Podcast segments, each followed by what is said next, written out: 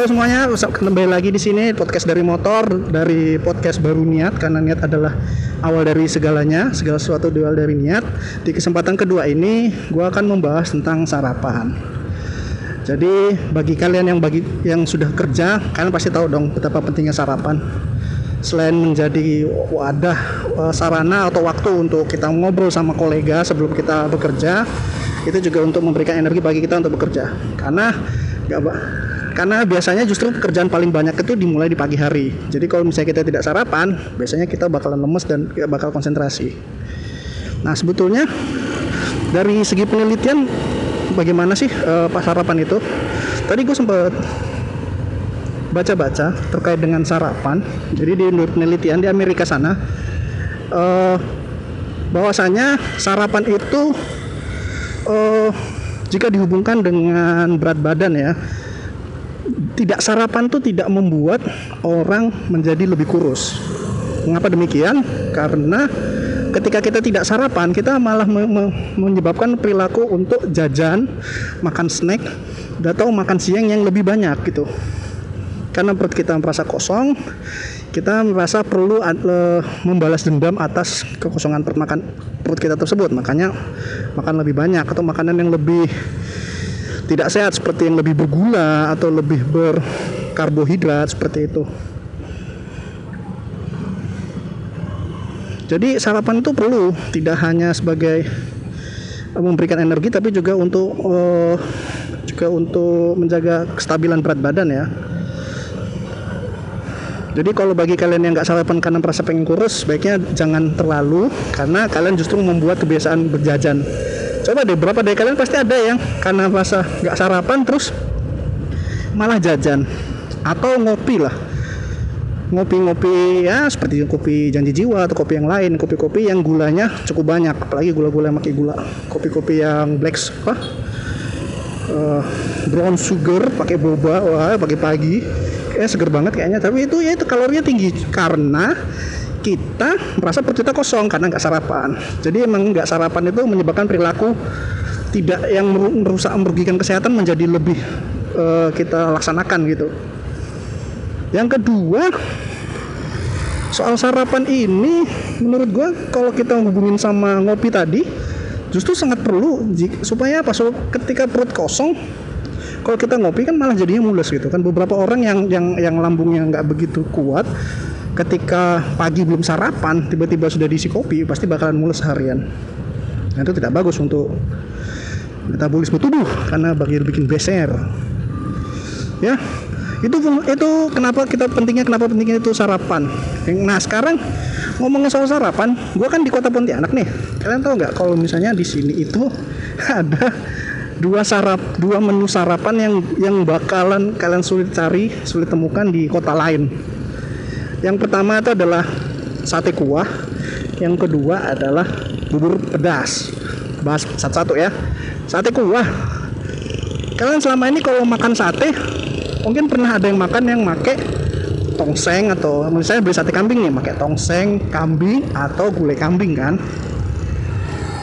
Nah, di situ kita kan makan sate pakai kuah tapi kan apa ya tidak terlalu aneh kan kalian. Tapi kalau di sini tuh lebih unik kenapa? Karena kuahnya sendiri langsung dimasukkan bersama dengan satenya. Jadi di sini itu satenya ada dua jenis sate ayam dan sate sapi ya. Di sini jarang sate kambing. Orang sini suka lebih suka makan sapi. Lalu satenya makannya pakai lontong jadi satenya dibakar di, di dimasukkan da, di dalam mangkok dan piringnya itu lontong satenya sendiri beberapa tusuk 5 sampai 10 potongan timun timun juga bumbu kacang dan juga terakhir disiram pakai kuah sup. Kalau kata orang ini satenya orang Melayu sih jadi emang katanya satenya khasnya seperti itu pakai kuah sup. Kenapa pakai kuah sup? Jadi kalau jadi bumbu bumbu kacang di sini itu agak sedikit beda ya memang kalau bumbu kacang sate sarapan di sini memang makainya dia pakai bumbu merica kapulaga banyak bumbu rempah-rempah. Jadi rasanya kuat. Dengan mengguna, dengan disiram kuah rasanya menjadi lebih ringan di tenggorokan. Katanya sih gitu. Nah bagi yang belum pernah nyoba ya coba aja sendiri besok suatu saat. Nanti kalian beli sate kambing sate ayam terus sate sapi kalau ada. Terus beli sop juga sop daging. Terus siramin deh langsung ke kuahnya. Jadi kayak becek-becek gitu. Bagi yang pertama kali melihat pasti rasanya rasanya kayak bentuknya kayak aneh banget kan? Cuman coba aja karena ternyata enak juga kok. Nggak terlalu aneh lah. Bahkan di sini ya mayoritas orang sarapan di sini. Dan yang paling ramainya di sini ada satu satu tempat yang yang gue juga sering ke sana gitu sate sarapan gitu sate kuah itu.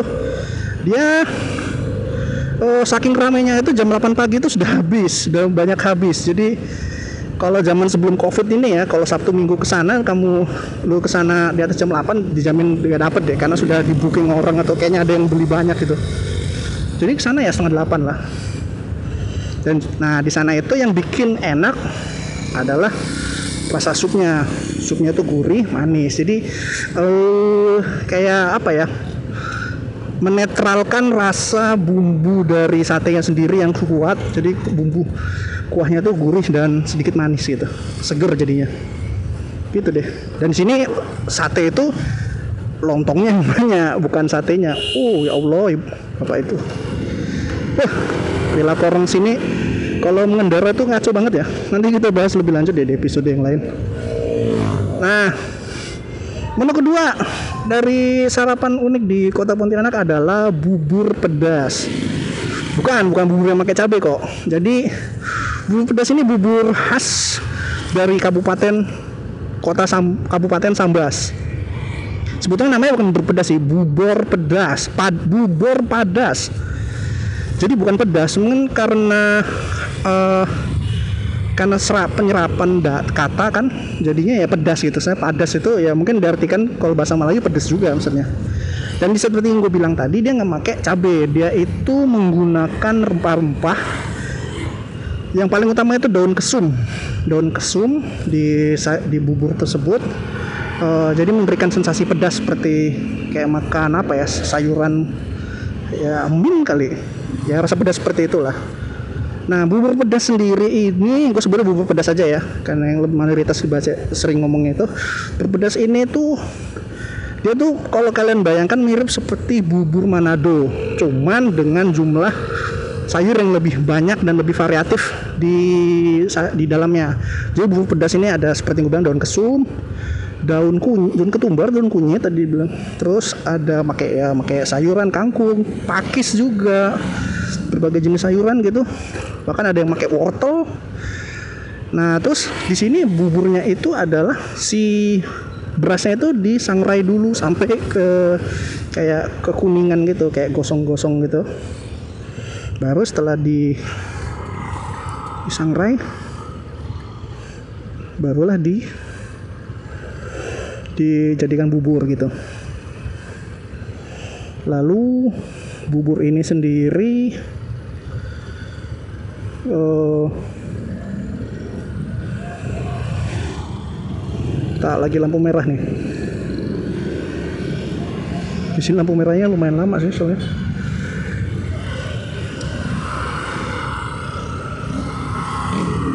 Haha seperti biasa ada yang lawan lawan, lawan arus gitulah di kota-kota kota-kota Pontianak. Di sini tuh tingkat disiplin disiplin berlalu lintasnya uh, masih rendah ya. Jadi ya namanya lawan arus nggak pakai helm ngobrol naik motor berdua. Nah itu nanti. Pokoknya banyak lah ini. Dan itu akan gue bahas lagi nanti di sudah yang di kesempatan yang lain lah ya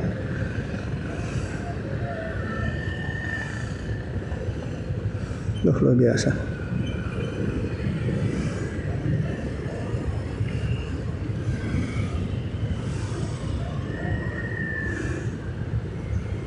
Lama ya lampu merahnya.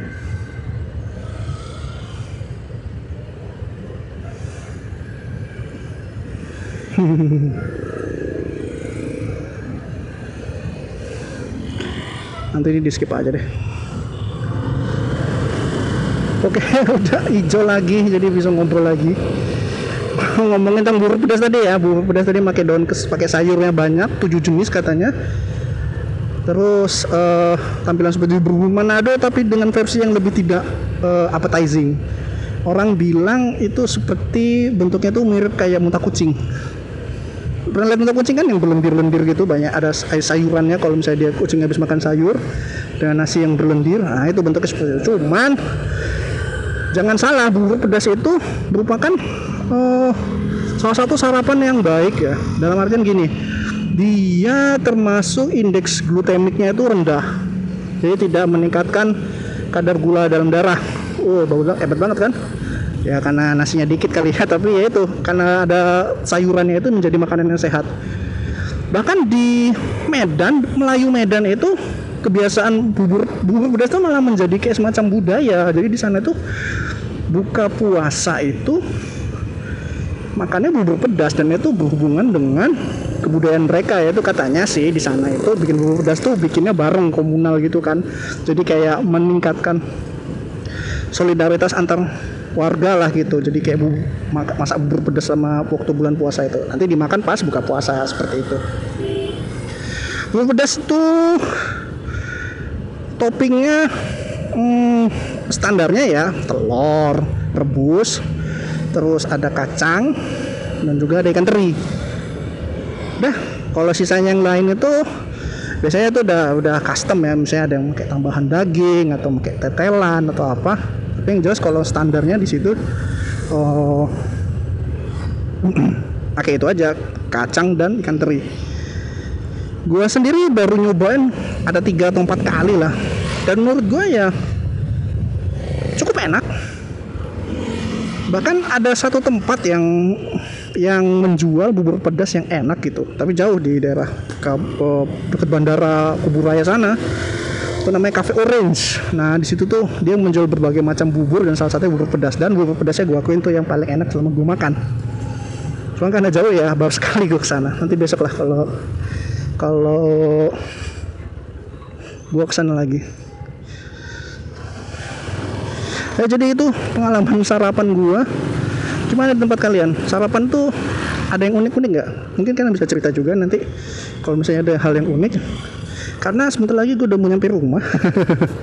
Jadi maka berakhir juga nih obrolan kita kali ini. Terima kasih udah dengerin gue dari podcast dari motor. Cabut dulu. Thank you. Gue pakai sini aja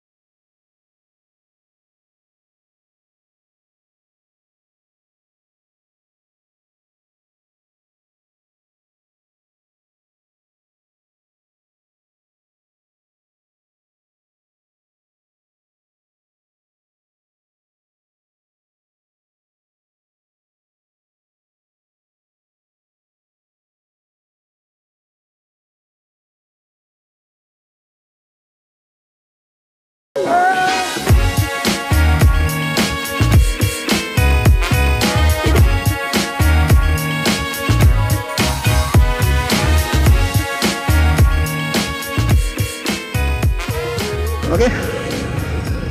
Halo semuanya, kembali lagi di sini podcast dari motor dari podcast baru niat karena niat adalah awal dari segalanya, segala sesuatu awal dari niat. Di kesempatan kedua ini, gue akan membahas tentang sarapan. Jadi bagi kalian yang bagi yang sudah kerja, kalian pasti tahu dong betapa pentingnya sarapan. Selain menjadi wadah eh, sarana atau waktu untuk kita ngobrol sama kolega sebelum kita bekerja, itu juga untuk memberikan energi bagi kita untuk bekerja. Karena gak, karena biasanya justru pekerjaan paling banyak itu dimulai di pagi hari. Jadi kalau misalnya kita tidak sarapan, biasanya kita bakalan lemes dan tidak bakal konsentrasi.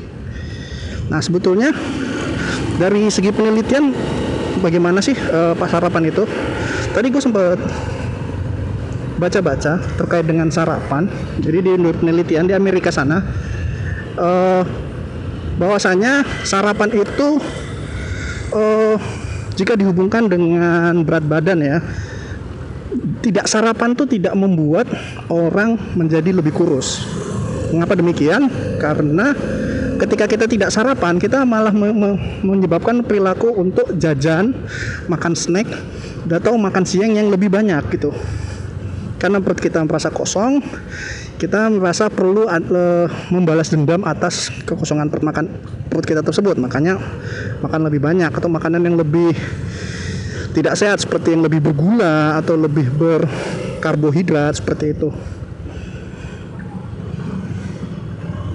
Jadi sarapan itu perlu tidak hanya sebagai memberikan energi tapi juga untuk uh, juga untuk menjaga kestabilan berat badan ya. Jadi kalau bagi kalian yang nggak sarapan karena merasa pengen kurus, baiknya jangan terlalu karena kalian justru membuat kebiasaan berjajan. Coba deh berapa dari kalian pasti ada yang karena rasa nggak sarapan terus malah jajan. Atau ngopi lah. Ngopi-ngopi ya seperti kopi janji jiwa atau kopi yang lain kopi-kopi yang gulanya cukup banyak. Apalagi gula-gula yang pakai gula. Kopi-kopi yang black apa? Uh, brown sugar pakai boba wah pagi-pagi kayak seger banget kayaknya tapi itu ya itu kalorinya tinggi karena kita merasa perut kita kosong karena nggak sarapan. Jadi emang nggak sarapan itu menyebabkan perilaku tidak yang merusak merugikan kesehatan menjadi lebih uh, kita laksanakan gitu. Yang kedua soal sarapan ini menurut gue kalau kita hubungin sama ngopi tadi justru sangat perlu supaya apa so, ketika perut kosong kalau kita ngopi kan malah jadinya mulus gitu kan. Beberapa orang yang yang yang lambungnya nggak begitu kuat ketika pagi belum sarapan tiba-tiba sudah diisi kopi pasti bakalan mulus harian. Nah, itu tidak bagus untuk metabolisme tubuh karena bagi bikin beser ya itu itu kenapa kita pentingnya kenapa pentingnya itu sarapan. Nah sekarang ngomongin soal sarapan gue kan di kota Pontianak nih. Kalian tahu nggak kalau misalnya di sini itu ada dua sarap dua menu sarapan yang yang bakalan kalian sulit cari sulit temukan di kota lain yang pertama itu adalah sate kuah. Yang kedua adalah bubur pedas. Bahas satu-satu ya. Sate kuah. Kalian selama ini kalau makan sate, mungkin pernah ada yang makan yang make tongseng atau misalnya beli sate kambing nih, pakai tongseng, kambing atau gulai kambing kan. Nah, di situ kita kan makan sate pakai kuah. Tapi kan apa ya tidak terlalu aneh kan kalian? Tapi kalau di sini tuh lebih unik kenapa? Karena kuahnya sendiri langsung dimasukkan bersama dengan satenya. Jadi di sini tuh satenya ada dua jenis sate ayam dan sate sapi ya. Di sini jarang sate kambing. Orang sini suka lebih suka makan sapi.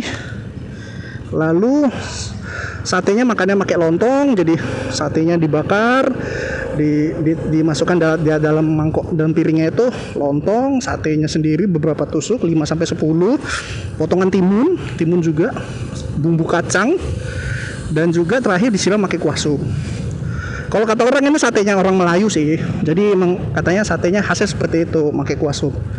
Kenapa pakai kuah sup? Jadi kalau jadi bumbu bumbu kacang di sini itu agak sedikit beda ya memang kalau bumbu kacang sate sarapan di sini memang makainya dia pakai bumbu merica kapulaga banyak bumbu rempah-rempah. Jadi rasanya kuat. Dengan mengguna dengan disiram kuah rasanya menjadi lebih ringan di tenggorokan. Katanya sih gitu. Nah bagi yang belum pernah nyoba ya coba aja sendiri. Besok suatu saat nanti kalian beli sate kambing sate ayam terus sate sapi kalau ada. Terus beli sop juga sop daging.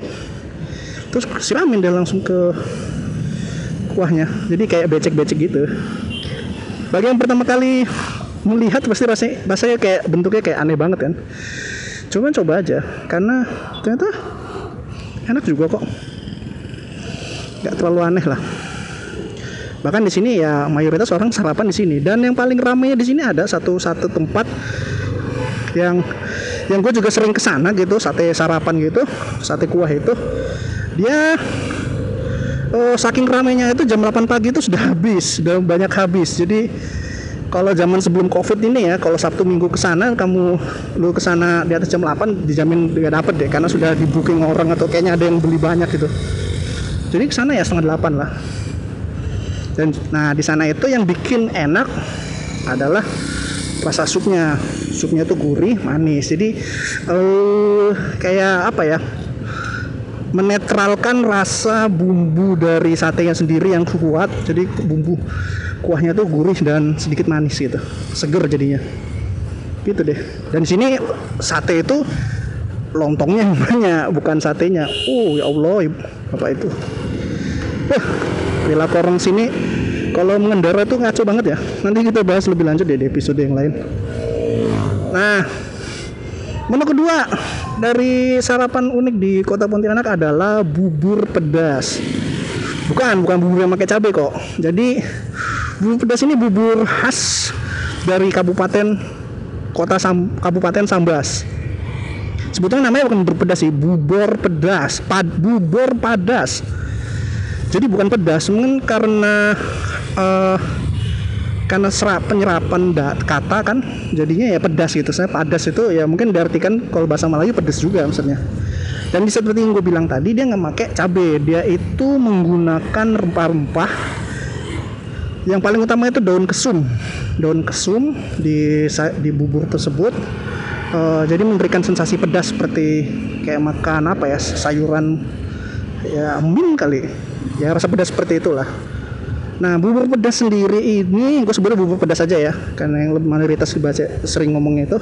Bubur pedas ini tuh dia tuh kalau kalian bayangkan mirip seperti bubur Manado cuman dengan jumlah sayur yang lebih banyak dan lebih variatif di di dalamnya.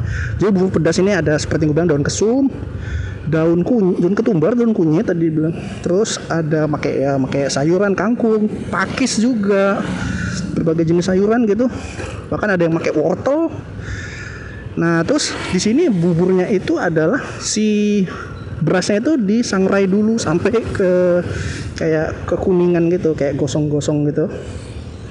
Baru setelah di disangrai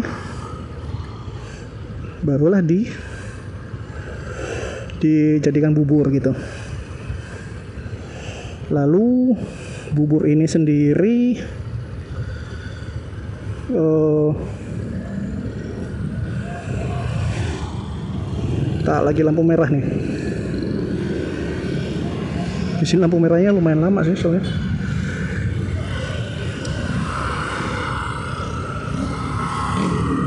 Haha seperti biasa ada yang lawan lawan arus gitulah di kota-kota kota-kota Pontianak. Di sini itu tingkat disiplin disiplin berlalu lintasnya uh, masih rendah ya. Jadi ya namanya lawan arus nggak pakai helm ngobrol naik motor berdua. Nah itu nanti. Pokoknya banyak lah ini. Dan itu akan gue bahas lagi nanti di sudah yang di kesempatan yang lain lah ya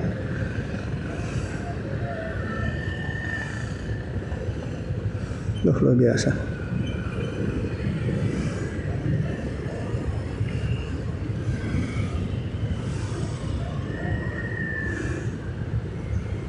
Lama ya lampu merahnya.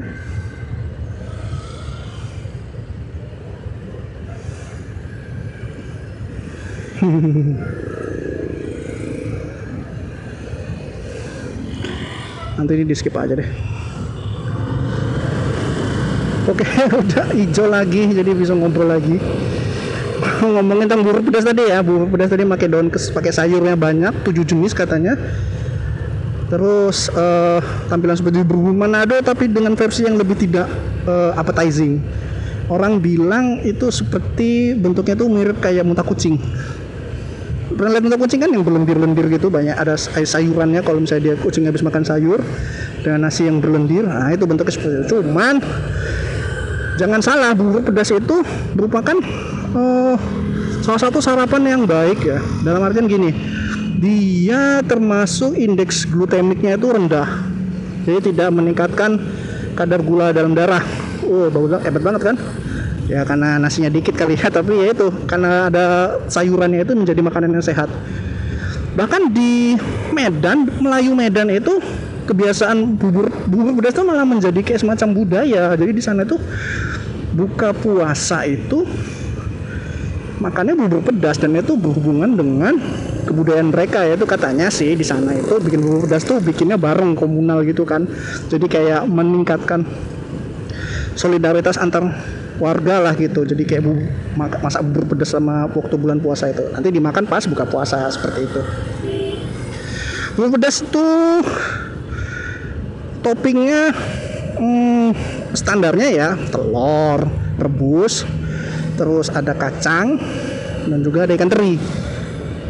Dah kalau sisanya yang lain itu biasanya itu udah udah custom ya misalnya ada yang pakai tambahan daging atau pakai tetelan atau apa. Tapi yang jelas kalau standarnya di situ oh,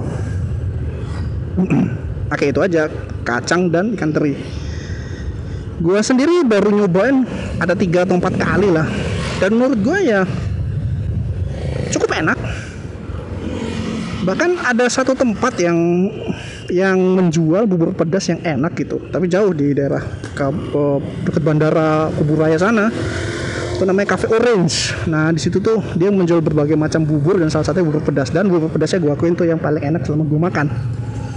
Cuma karena jauh ya baru sekali gue ke sana. Nanti besok lah kalau kalau gue ke sana lagi. Ya jadi itu pengalaman sarapan gue. Gimana di tempat kalian? Sarapan tuh ada yang unik-unik nggak? Mungkin kalian bisa cerita juga nanti kalau misalnya ada hal yang unik karena sebentar lagi gue udah mau nyampe rumah jadi maka berakhir juga nih obrolan kita kali ini terima kasih udah dengerin gue dari podcast dari motor cabut dulu thank you gue pakai sini aja